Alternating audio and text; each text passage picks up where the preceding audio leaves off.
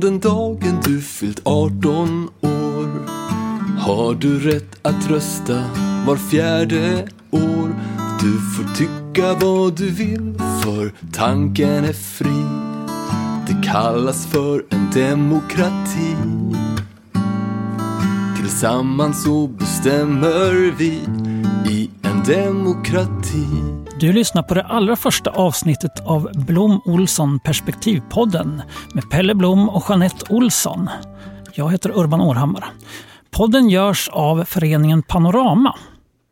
Demokrati. Varför ska man hålla på med demokrati egentligen? Pelle? Ja, det kan man ju fråga sig kanske, men eh, jag tycker i dessa tider eh, känns det högst relevant. Eh, och jag tycker själv att man kan ta dagsaktuella händelser och kolla ut det. Och det är inte så långt härifrån till eh, Vitryssland, eller Belarus snarare. Och Minsk kanske framförallt, men över hela landet. Där har det pågått protester ganska länge nu mot en diktator som de har. Och eh, där har de inga rättigheter överhuvudtaget. Och det där har varit ganska våldsamt, eller väldigt våldsamt under en lång period nu. Och de här människorna slåss för sin frihet. Och det är gamla, det är unga, det är män, det är kvinnor. Eh, och de riskerar sina liv och de riskerar att bli torterade genom att ge sig ut på gatorna. De är fruktansvärt modiga att göra detta. Och det är som sagt inte alls långt härifrån. Och kopplar man på då våran situation i Sverige så ses det kanske, det är inga problem här, det är ganska lugnt. Men vi har krafter i vårt land också som faktiskt kanske inte går hela vägen mot eh, den typen av hårda diktatur just nu. Men vi vet inte alls vad som sker längre fram för att eh, de här ska säga, krafterna vill ta ifrån oss vissa delar av våra rättigheter och det där brukar oftast ta små bitar i taget och sen till slut så vaknar man upp en dag och då har man inga rättigheter alls. Så det är en del i det hela som är väldigt, väldigt aktuellt. Jeanette, demokrati för dig, vad är det som är så viktigt med det? Jag tror att en av de viktigaste delarna är att jag insåg när Pelle och jag var moderatorer på eh, en konferens för folkbildningen, att jag egentligen visste väldigt lite om demokrati och hur den påverkar mig i vardagen och hur vi pratar om demokrati, eller hur lite vi pratar om demokrati. Eh, så det har varit väldigt avgörande hur vårt samhälle fungerar, vilken del jag har i det, hur det ser ut, vad jag vill bidra med för att göra skillnad. Kan vi göra någonting? För vi pratar alldeles för lite om demokrati. Vi har otroligt många som inte delar de demokratiska åsikterna. Eh, vi har också folk i Sverige som aldrig har levt i en demokrati. Så att jag tror att behovet av att förstå demokratin och bära den i sin vardag behöver faktiskt tas upp igen. För den började ju och startade egentligen med vår rösträtt. Den kvinnliga rösträtten 1921. Och vad har hänt sedan dess? Och hur har vi utvecklat den och, och värnat om den? Och jag tror att det är viktiga frågor som vi behöver lyfta upp igen. För det byggdes ju utifrån ett tänk. Och har vi det tänket kvar eller behöver vi vrida lite och våga prata om det igen? Och faktiskt också möta sånt som är lite obekvämt med demokratin. För demokrati är lite obekvämt och demokrati är svårt att förstå. Demokrati är lite luddigt när vi har frågat folk. Så har ju folk sagt, ja, men vad är demokrati egentligen? Hur påverkar det mig? Så mm. det har väl varit ett, en del i det som både du och jag Pelle har liksom funderat på. Mm. Ja, det är en jätteviktig del du plockar upp, just att man har vi har ju levt så länge i en demokrati och eh, vi har tagit det för givet kan man säga, eller vi tar det nog för givet vi vet liksom inte riktigt vad är det, det andra. Vi läser om det på andra ställen men vi säger det kan ju inte hända här någonstans. Men, eh, men så det, det, ja, det, det, det är luriga frågor och folk har inte riktigt koll på det. Och som du säger, vi hade inte heller, vi tyckte att vi, det här vet ju vi, vi är ganska klara på de här kunskaperna. Men sen när man börjar se vad det var så i alla fall för mig, jag kan ju liksom att det strålar ner i så många olika delar av samhället som jag inte hade reflekterat över. Vi har ju mer tänkt på de här, man får eh, säga vad man vill och vi får välja våra ledare och de här grejerna. Men det blir ju en massa andra saker som blandas i och det tycker jag eh, ska bli otroligt spännande här att få prata om det i den här podden. Och just också att demokrati är för alla. Det har ju varit väldigt eh, viktigt för oss. Och att vi ska se det som en folkrörelse. Att det är faktiskt hos den lilla människan som demokratitankarna finns, fast man aldrig offentliggör dem. Och pratar man om det så gör man det i kökssoffan. Mm. Och då har ju vi valt att det här måste vi göra någonting.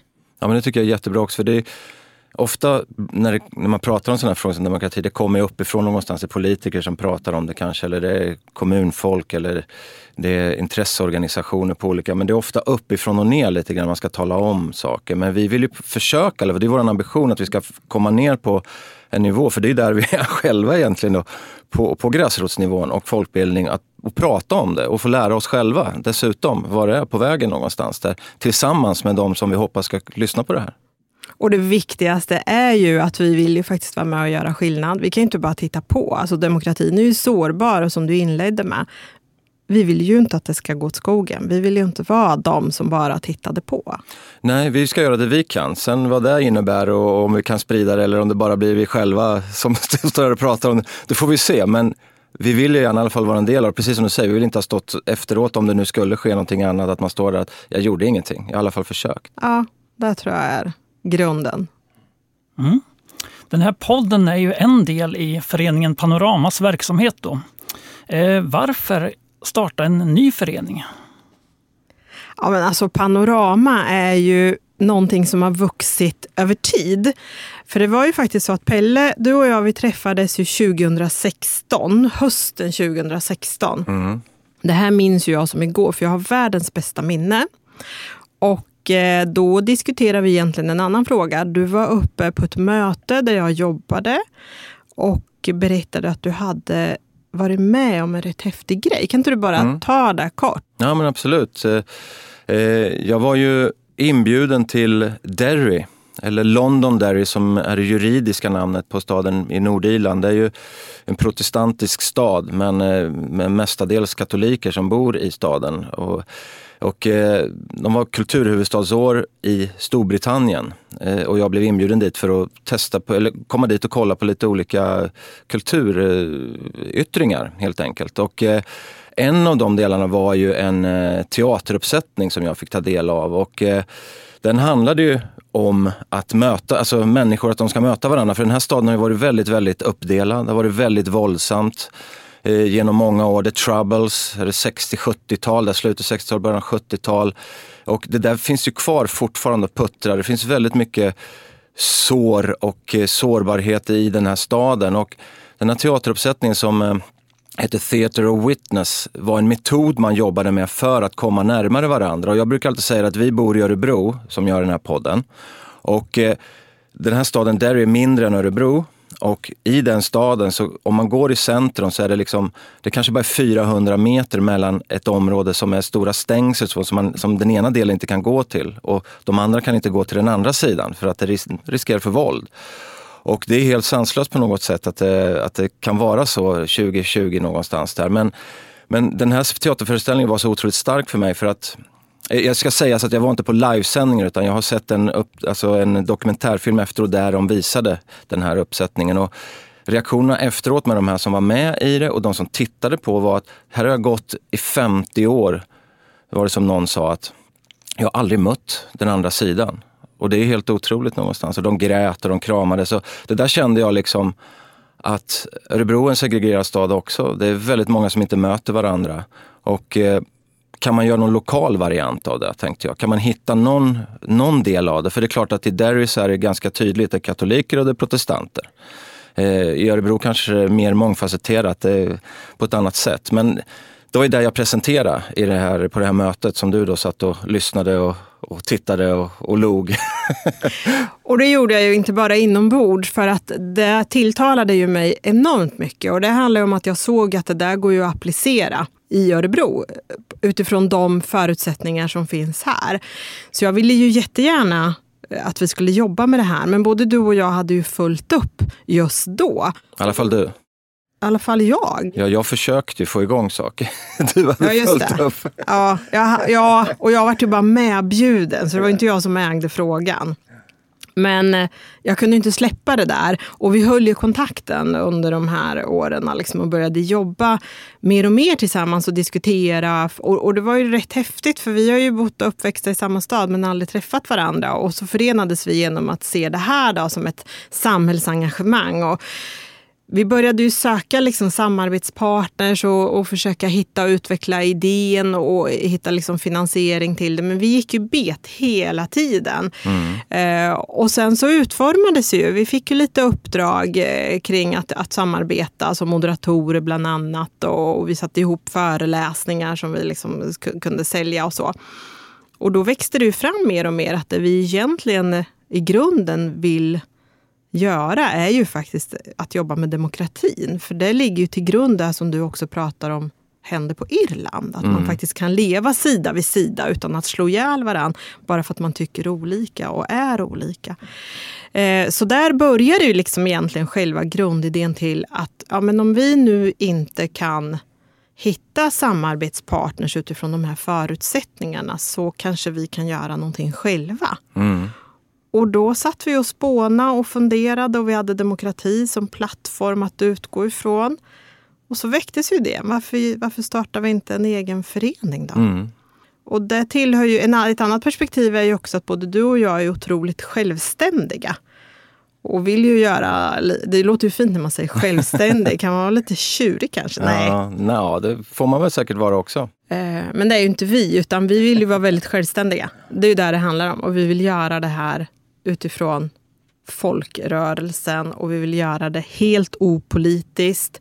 Vi vill liksom, precis som jag sa förut, demokrati är för alla utan någon politisk viljeinriktning. Det här är Pelle och Jeanette, vi pratar till gräsrötterna för vi kommer därifrån själva.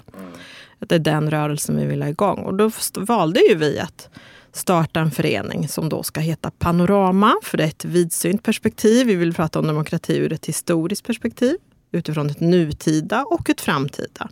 Och när vi startade föreningen så då behövde vi ha någon som höll ordning på oss. Och då vet jag inte hur det gick till. Kan inte du berätta Urban, som faktiskt är vår ordförande i föreningen? Ja, hur gick det till? Det kan man undra. Jag blev indragen i det här.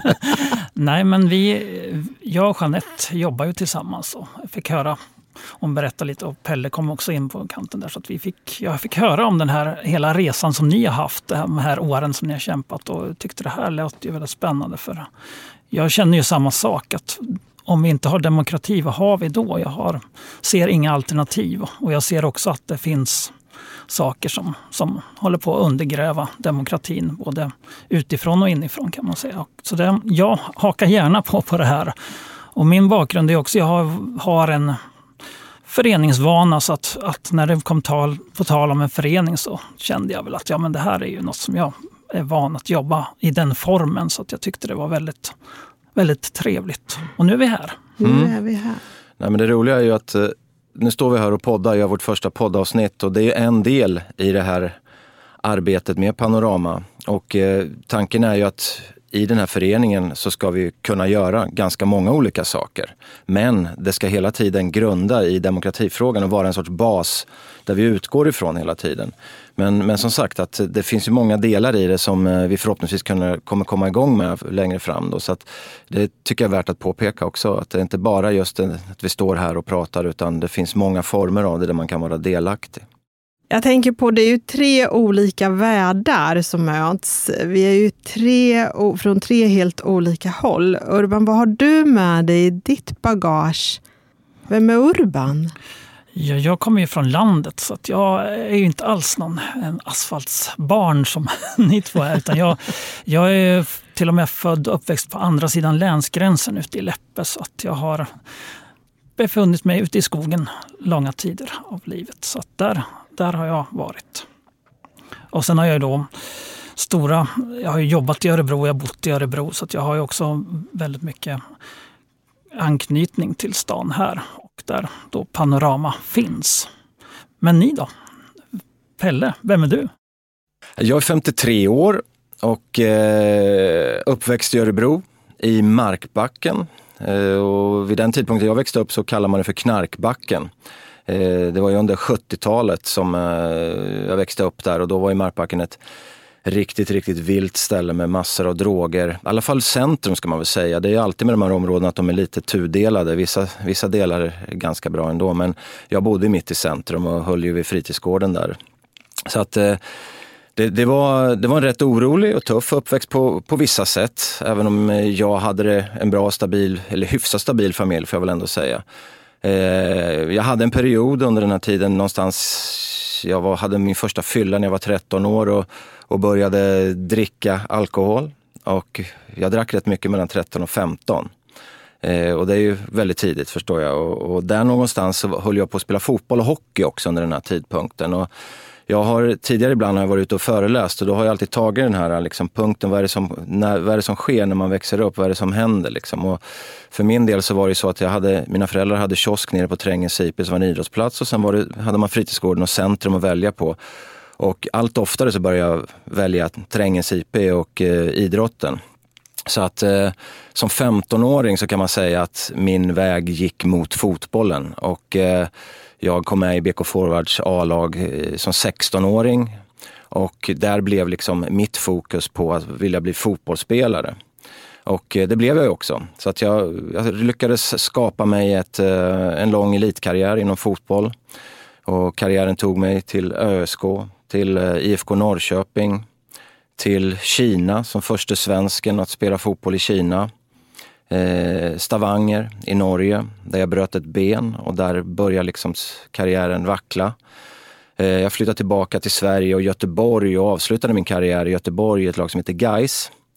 Och eh, därefter så visste jag inte alls vad jag skulle göra om mitt liv. Jag hade ingen utbildning. Jag hoppade av skolan som, när jag gick i nian och fokuserade bara på idrotten. Och, men sen så hade jag flyt helt enkelt. att Eh, då började fotboll i tv, alltså kom hem köpte rättigheterna till att börja sända alla allsvenska fotbollsmatcher i, eh, i tv och då behövde man en massa nya experter och kommentatorer. Och vid den tidpunkten hade jag skrivit en del på GAIS hemsida. Jag hade en egen, det fanns inte bloggar då, det var liksom hemsidor man hade. Och där började jag skriva och det visade sig att jag hade ganska starka åsikter. Jag vågade stå för mina åsikter och det tog mig in i tv-mediet. Och eh, då insåg jag att då hade jag också börjat skrivit för tidningen Svensk Fotboll sen Örebro-Kuriren började. Och då såg jag att det här är min chans i livet. Det är liksom journalistik jag ska satsa på. Så att jag jobbade då i 14 år i tv, radio, eh, med mestadels fotboll då förstås. Däremot skrivandet har jag ju fortsatt med och det har ju tagit lite nya vändor där jag skriver ingen idrott eller sport eller fotboll eller någonting ens eh, numera utan det är allmänna kröniker och och eh, dessutom idag så är jag ju chefredaktör för två tidningar här i Örebro, en affärstidning och en nöjestidning. Så att för mig blev det journalistiken. Och sen har jag gjort vissa grejer. Jag har gett ut böcker, fotobok, en vanlig självbiografi. Eh, jag har arrangerat resor till Irland apropå Derry och där vi pratade om tidigare. Det är där mitt intresse liksom, därifrån det har kommit. Men hela den här vägen har jag haft ett samhällsengagemang, har jag förstått efteråt. Det förstod jag inte då. Jag gick tidigt med i Amnesty. Eh, under en period i Göteborg så var jag lite aktiv i det. Eh, jag, vi försökte göra Gais till en Amnesty-klubb. Det var inte alltid enkelt för där insåg jag att i Gais är mycket starka känslor med politiska yttringar åt alla olika håll, från vänster till höger. Och, eh, så så det blev rätt livat, men det var nyttigt för mig att liksom få argumentera för de här frågorna. Och sen så har jag då som sagt bott i Kina ett år som är en diktatur och samma sak där. Det var inte så att jag jättereflekterad över det när jag var där. Men, men någonstans så var det så att man såg hur, hur de här poliserna, hur liksom all, varje grej var kontrollerad och, och det var maktspråk och hela den här biten. Då. Så, så att där föddes ju också någonting. Men, eh, men jag har ju aldrig riktigt så här tänkt mig att jag ska ge mig in på det här sättet. Och, och det är det som är så kul med det här när jag, när jag sprang in i, i Jeanette. För det är Jeanette som har varit för mig själva triggern eller den knappen man sätter på. Liksom att jag behövde en co-driver lite grann då, liksom, och det är där man har fått nu. Och då har det, liksom, det här dragit igång ännu mer. Det har funnits latent i min kropp. Så att, eh, och jag tycker det är jätteroligt att få dra de här frågorna. Och det är ju jättekul att du säger att jag var din trigger. För tittar man liksom på eh, min historia, jag, jag är ju då yngre än dig. Ett helt år. Fast jag älskar ju att åldras, förutom alla små krämpor. Så jag säger, jag är närmare 55. Säger jag, det är ju fint. Men jag har ju rört mig i olika plattformar, på olika plattformar genom hela livet och haft förmånen liksom att få jobba med såna här frågor där man kan göra skillnad, där mitt samhällsengagemang har väldigt tidigt egentligen. Jag tror inte jag var mer än kanske 14-15 år när jag valde liksom att jag vill jobba med personer som har funktionsnedsättning. Och där började jag egentligen min yrkesbana att jobba med personer som då befann sig i ett utanförskap. Och tittar man på det, alltså de, den gruppen av människor. Det finns en man som heter Karl Grunewald. Han skrev en bok Från idiot till medborgare. De har alltså haft många olika benämningar på sig som grupp. Och redan där kände jag att här måste jag vara med och göra skillnad. Jag har väldigt svårt att förhålla mig och titta på när saker inte är rätt eller orättvist. Så det har ju alltid drivit mig väldigt, väldigt tidigt. Så jag började jobba inom äldreomsorgen och så gick jag över till funktionshinder, jobbade som vårdare och avslutade faktiskt det uppdraget inom Örebro kommun efter 23 år som områdeschef. Så 2015 då sa jag upp min fasta anställning som områdeschef inom funktionshinderområdet. Och då var jag liksom klar, då hade jag gjort det här och då kom ju också asyl vågen. Så det kom en massa folk hit som liksom helt plötsligt skulle vi liksom i Sverige öppna upp och ta hand om. Vi hade ingen riktigt bra infrastruktur för det där. Och sånt där tycker jag då är fel och jag kan inte titta på. Så då gick jag in i det här projektet. Så idag har jag jobbat mycket som projektledare. Jag frilansar, jag har eh, ett eget företag där jag är ute och föreläser. Jag har också skrivit en bok eh, med mycket kärlek till mina förmödrar. Eh, och samhällsengagemanget har ju som sagt var utvecklats och när du och jag träffades så vart det ju liksom bara, nej men gud, nu är det dags att ta nästa steg. Och du har ju triggat mig lika mycket eh, i att jobba med de här frågorna. Och jag har väl också varit väldigt självständig och sagt saker som jag tycker och jag har gjort starka uppbrott precis som du har gjort. Men framförallt så har jag ju träffat otroligt många människor och det har vi ju också gjort tillsammans. Jag är uppväxt i Vivalla jag vet inte om det var värre än Markbacken, men det hade ju sin lilla beskärda del av kriminalitet och droger. Och, eh, nu är man ju också så pass gammal så jag kan säga att det var bättre förr. Och det var jag också, säger någon till mig då. Det var du med Jeanette. Ja, men vissa saker var bra och vissa saker var dåliga. Jag är uppväxt hos min mamma och mormor bodde hos oss eh, tillsammans med oss. Så jag hade en ensamstående mamma och en mormor som jag växte upp med eh, i Vivalla. Jag eh, bodde där. Jag, kan inte, jag, alltså jag har så svårt, jag tänker på mig att säga men jag är Vivalla-bo, Vivalla-tjej. Jag ser ju mig som världsmedborgare. Det är liksom så här, det känns mycket bättre inom mig. Liksom. Jag har hela världen som jag liksom kan vistas och bo i. Visst är det ja. där? Det, är liksom så här, ja, det känns bra. Men jag har lojaliteten. Jag hejar säkert på Örebros fotbollslag som heter ja, det, det, finns flera, men ÖSK misstänker att du tänker på som är de bästa. och det säger ju en del hur du och jag träffades, hur liksom våra, våra eh, vägar möttes i Örebro. Jag tänkte vi skulle prata lite mer om det, för de är ju lite skilda. Alltså det är, det är jätteroligt faktiskt. Eh, eller, jo, men det är roligt och intressant liksom hur, hur det, liksom, vi brukar ju, när vi har liksom dragit igång och pratat med folk om, eh, för det är många som, eh, hur, vad är det de brukar säga? Hur vad fan, fan har ni gemensamt? Ja, just det, vad fan har ni gemensamt? Och egentligen inte mer än att vi växte upp på Väster i Örebro med numera en motorväg emellan. Men det var det inte då tror jag när vi växte upp. Eh, någonstans där byggdes den ju tror jag. Eh, jag kan vara fel lite i tiden, men hur som helst, idag är det, är det i alla fall en motorväg emellan för de som då kanske inte bor i Örebro och inte har koll på Örebro. Så, men det är samma typ av område. Vivalla byggdes lite senare eh, och eh, haft samma problem genom åren och eh, samma utmaningar som det heter. Men, men när vi träffades då, så du är fullständigt ointresserad av fotboll. Du vet ju knappt att det existerar överhuvudtaget. Och, och nu jag, vet jag ju jättemycket. Nu vet jag det, ja. Precis. ja, jättemycket väl att ta i.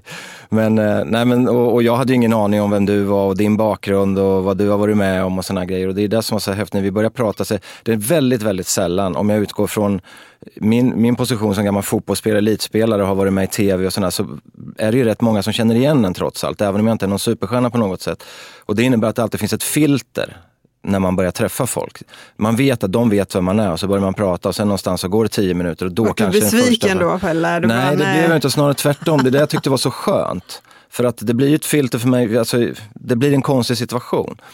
Och eh, i det här fallet så var det verkligen ifrån ingenting och vi kunde börja prata och börja nysta i olika saker. Och det var ju flera missförstånd till en början där liksom du visar dina onda ögon och tittar på mig. Nej men vad säger du? nej, men, det, nej, men, det de som det. känner mig vet ju vad det betyder, så att jag fattar. Ja. Mm. Nej, men så att, och sen så har det liksom varit steg för steg och det, jag tror du har sagt det, det är fyra år sedan vi då träffades liksom och, och vi har liksom, i början var det inte så mycket, det var lite då och då vi försökte få igång det och sen när vi började strukturera upp det så har det varit mer och mer och på slutet så är det ju liksom, vi jobbar med det här. Eh, och eh, den, den liksom delen i att lära känna varandra, både för det vi ska göra, men vilka är vi? Vad har vi för intressen? Eh, alltså djupt filosofiska samtal ibland, vi pratar om religion ibland. Alltså det finns alla möjliga och jag älskar att debattera. Folk brukar ibland tycka att jag är världens glädjedödare på fester för att jag tycker, jag tycker det är kul att sitta ner och prata med folk och debattera, eller inte debattera, samtala. Mm. Och, och, få lära mig nya saker och sådär. Och när folk då vill partaja istället så tittar de på en bara Men du lyssnar i alla fall. Ja, det ser ut som det. Men det är ju också så, du är ju en snackpåse. Och det är flera gånger som du har sagt att ja, men vi är ju uppväxta under samma period, eh, vi måste ju ha setts och då gjorde vi jäkligt dåligt intryck på varandra. Alltså, eller inget intryck eftersom ingen av oss i så fall kommer ihåg det. Men när du spelade fotboll och drog iväg till vart du nu gick, jag kommer inte ihåg vad du sa, så det är ju det här braiga minnet ja, jag precis. har. Så var det ju så att då skaffade jag barn. Så jag liksom bildade ju familj väldigt tidigt och när du var ute perioden, vad sa du, 13 till 15 år, mm. då var ju du ute och, och festa och sådär. Då. Mm. då bröt ju jag mig från min romska kultur som är min bakgrund. Så att jag har ju gjort ett jättestort uppbrott som väldigt ung.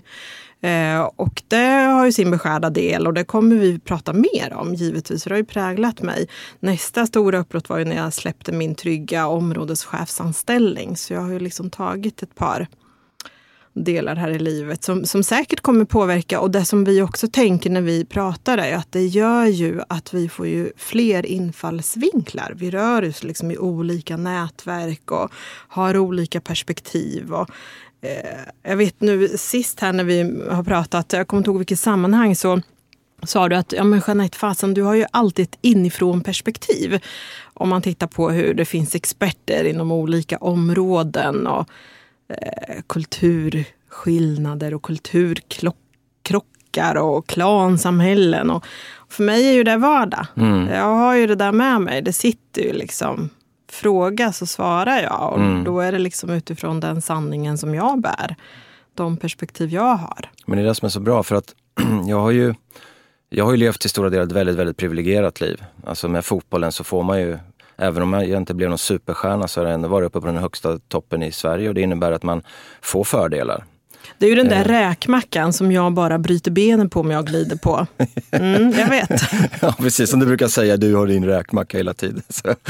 Nej, men det innebär att man har träffat folk, också väldigt många, och det är ju, det är ju inom en helt annan värld. Det är ju liksom mycket affärsmän, det är sponsorer, man har varit ute och pratat inför sponsorer och, och lärt känna mycket supporter förvisso. Det ska man ju också komma ihåg och det är ju inte alla de som är, om man säger, om vi nu pratar att man är på den högre delen i, i samhället då. Så att, men, men det blir ju ofta så att man hamnar i sådana situationer när man är fotbollsspelare, att man blir upphöjd på det sättet. Så att det är ju verkligen, våra liv kan man ju spegla. Jag brukar ibland jag kör ju, det vet ju du, det är så många gånger jag sagt att ja, jag är från Markbacken. Jag använder det lite grann. Men samtidigt vet jag ju att jag har ju ingenting med Markbacken att göra då, hur det är att leva i markparken idag. Utan för mig är det fortfarande, jag är den där, det är 70-talet och jag har ju haft ett helt annat liv liksom än många andra som, som har varit kvar där liksom någonstans. Så att, det blir ju, det blir, men det, det, finns där ändå, den identitet. Eh, vissa, vilka säger det, jag, jag har ju liksom den här, eh, heter underdog-mentaliteten i mig.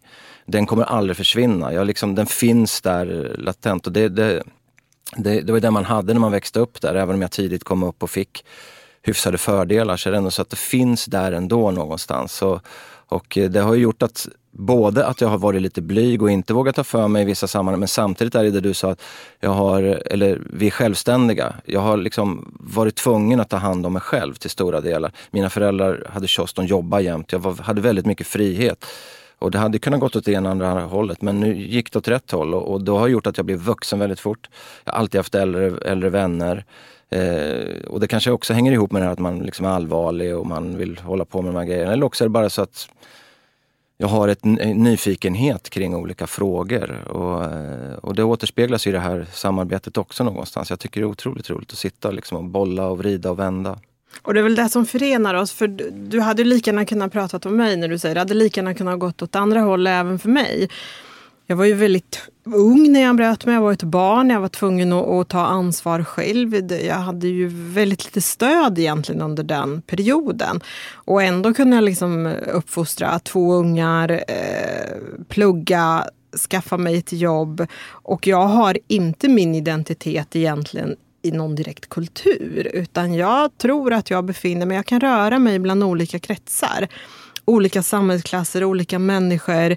Allt ifrån högutbildade affärsmän till de som lever helt i det socioekonomiska utanförskapet. Och jag känner mig bekväm i båda. Men sen när jag ska vara där jag hör hemma så är det i mellanförskapet. För det går inte att identifiera sig varken med det romska eller med det svenska för mig. Mm. Eh, delar. Det gör ju att jag kan röra mig rätt så fritt emellan för jag går ändå min egna väg. Och där tror jag du och jag förenar oss rätt så mycket i att vi måste få gå vår egna väg och att det är viktigt. Den här självständigheten och det här ansvaret. Och det är väl där vi möts i våra samtal. Alltifrån religion till filosofi till ja, vad vi nu talar om. Med mellanförskapet som du säger, jag kan ju inte sätta mig in i den delen som du har för det är ju det med kultur och massa olika saker. Men jag befinner mig, kanske har gjort de senaste tio åren i, i, i det också faktiskt lite grann, fast på en helt annan nivå. Eh, jag har ju liksom, jag jobbar inte med fotboll längre. Jag är inte så jätteintresserad av fotboll längre. Jag följer med mina gamla favoritlag men jag tittar sällan på dem. Jag läser, jag vill liksom ha koll på vad som sker. Men det finns inte den här passionen kvar längre. Men jag, jag blir ju min identitet är ju idrottaren och fotbollsspelaren för väldigt många. Så att när man vill då vidare någon annanstans så är det inte säkert att de mottar en för att man har den bilden, men det här är ju en fotbollskille, han vill ju hålla på med fotboll och fotbollsfrågor hela tiden. Så det har ju varit en kamp för mig att på något sätt bli tagen på allvar utanför fotbollen. Nu ska jag inte klaga för att i och med, jag har, med mina krönikor jag skriver i Nerikes Allehanda så har jag lyckats ta den positionen till viss del. Men inte jättebrett, men jag har ändå lyckats någonstans där. Men det, det har varit en, en, en liten minikamp för mig. Inte alls på samma, i samma dignitet som den du har gått igenom kan jag tänka mig. Där du, men, men det finns ändå den här, att vi förenas lite där också någonstans. Absolut, och jag tror att det du beskriver, det var jag tvungen att ta som väldigt ung. Att inte bli placerad placerad i ett fack, att det där är en romsk tjej. Utan jag var ju tvungen att jobba för att jag är Jeanette och jag kan. Eh, så jag har ju varit ofta, kanske inte för att någon annan har begärt, men för mig själv att bevisa att jag faktiskt kan. Det är ju så lätt att placera folk i fack. Nej men det är precis det du säger, för det är ju, det, det har ju vi pratat många gånger om, just det här med att eh, de flesta människorna har ju en bas. Vad vill man? Man vill ha ett jobb, man vill ha en meningsfull tillvaro, man vill ha en tryggad ekonomi, man kanske vill bilda familj. Och alla de här bitarna, det vill man ju var man än kommer ifrån, vem man är, troligtvis. Och eh, det är ju någonting som verkligen förenar och det glömmer man ofta bort att de här basic-grejerna finns där hela tiden. Sen finns det naturligtvis saker för vart man är uppväxt vilken kultur man är uppväxt i och det finns massor av olika aspekter varför det har blivit som det har blivit, varför man beter sig som man har beter, beter sig. Och jag brukar säga det här året jag var i Kina, det, det utvecklar inte mig som fotbollsspelare men det utvecklar mig däremot väldigt mycket just med de här frågorna. För kulturen i Kina är så fullständigt olika mot allting som har med västerlandet att göra vad man får säga, hur man pratar, kulturkrockar med hur man beter sig på middagar, eh, hierarkier som är extremt starka. Ansik man, man förlorar ansiktet om man skäller på någon. Eh, bjuder någon på sprit så måste man dricka sprit. Alltså nu generaliserar det är inte så alltid för det, Kina har ju utvecklats också. Men, men när jag var där 96 så var det väldigt starka sådana här olika kulturyttringar. Och, och eh, jag vet vi hade med oss affärsmän som var med på den första resan jag gjorde till Kina som ett provspel. Och det var en utav fem som inte festade tillsammans med kineserna. Det var den enda som inte fick göra en affär. Mm. Och det är så liksom kopplat. Så det, det, det lärde mig, det, det året var ju liksom själva ska vi säga, en nyckel in till en förståelse för det annorlunda någonstans. Och där har jag burit med mig jättemycket och jag har ju rest mycket i Kina efteråt också. Så där. Och, och det inser jag, det är samma sak där. Man, politiken är en sak, det som sker i Kina är beklagligt. Jag tycker det är jättetråkigt för att jag har rätt många som jag känner där. Men jag vet att när jag är där och umgås med dem vi pratar ju aldrig politik utan det, vi umgås och är vänner och de, de, är precis samma sak där. De har barn, de gillar fotboll, vi går ut och äter, vi pratar om vardagssaker. Alltså det, det är precis som överallt annars. Det är så det fungerar. Och jag tror att det du säger, det ska, det ska du och jag prata om här i podden. Kulturkrockar, kulturskillnader och vi ska också prata om sånt som man inte får prata om. Alltså fördomar. Va? Du har väl inga? Nej, inte en enda. Jo, då, jag har massor har vi kommit på. Har vi kommit på? Du kollar mina fickor efter din klocka varje gång. ja, ja, precis. Jag stoppar ner den i min bakficka precis nu.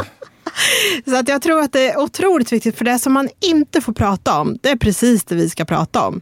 Och vi vill ju gärna också ta del av synpunkter och input och få fler perspektiv. För vi har ju valt att podden ska heta Perspektivpodden. Just för att det finns så många parametrar. Det finns inte bara en sanning och ett perspektiv. I en demokrati så är tanken fri. Dessutom är det så att även om du nu säger att vi kan väldigt mycket, om lite, lite om mycket, så är det ju så att när vi är nyfikna på lite, kanske lite fördjupningar på grejer så är tanken att vi på längre fram ska ha lite gäster också.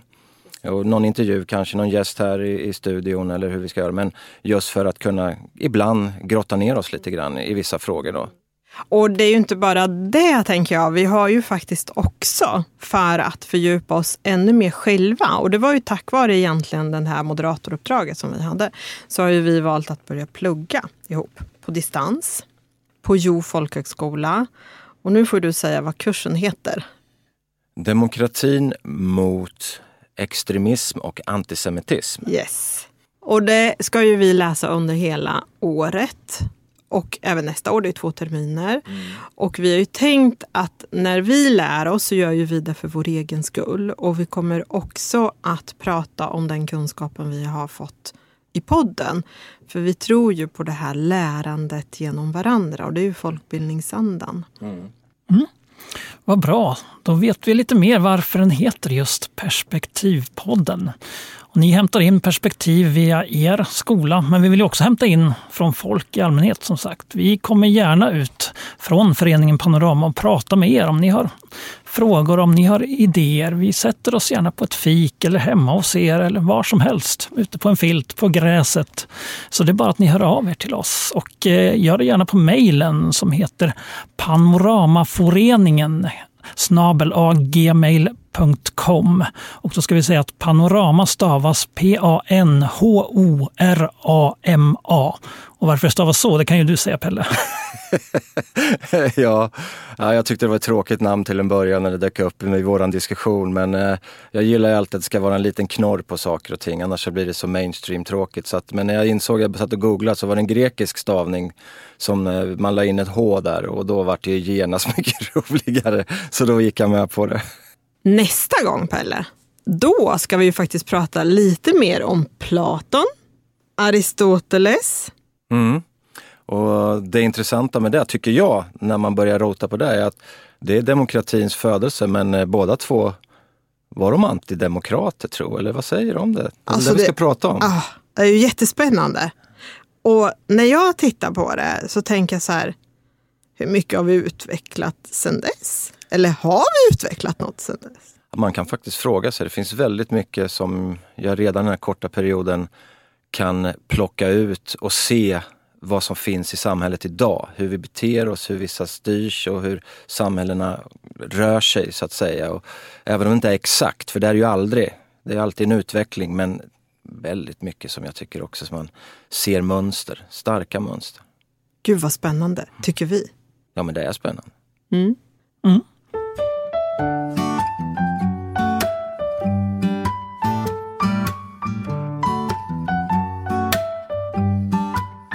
Du har lyssnat på Blom Olsson Perspektivpodden med Pelle Blom och Jeanette Olsson. Ljudtekniker var Thomas TK Karlsson. Vignettmusiken är gjord av Tobias Svärd och heter Demokratisången. Jag heter Urban Århammar.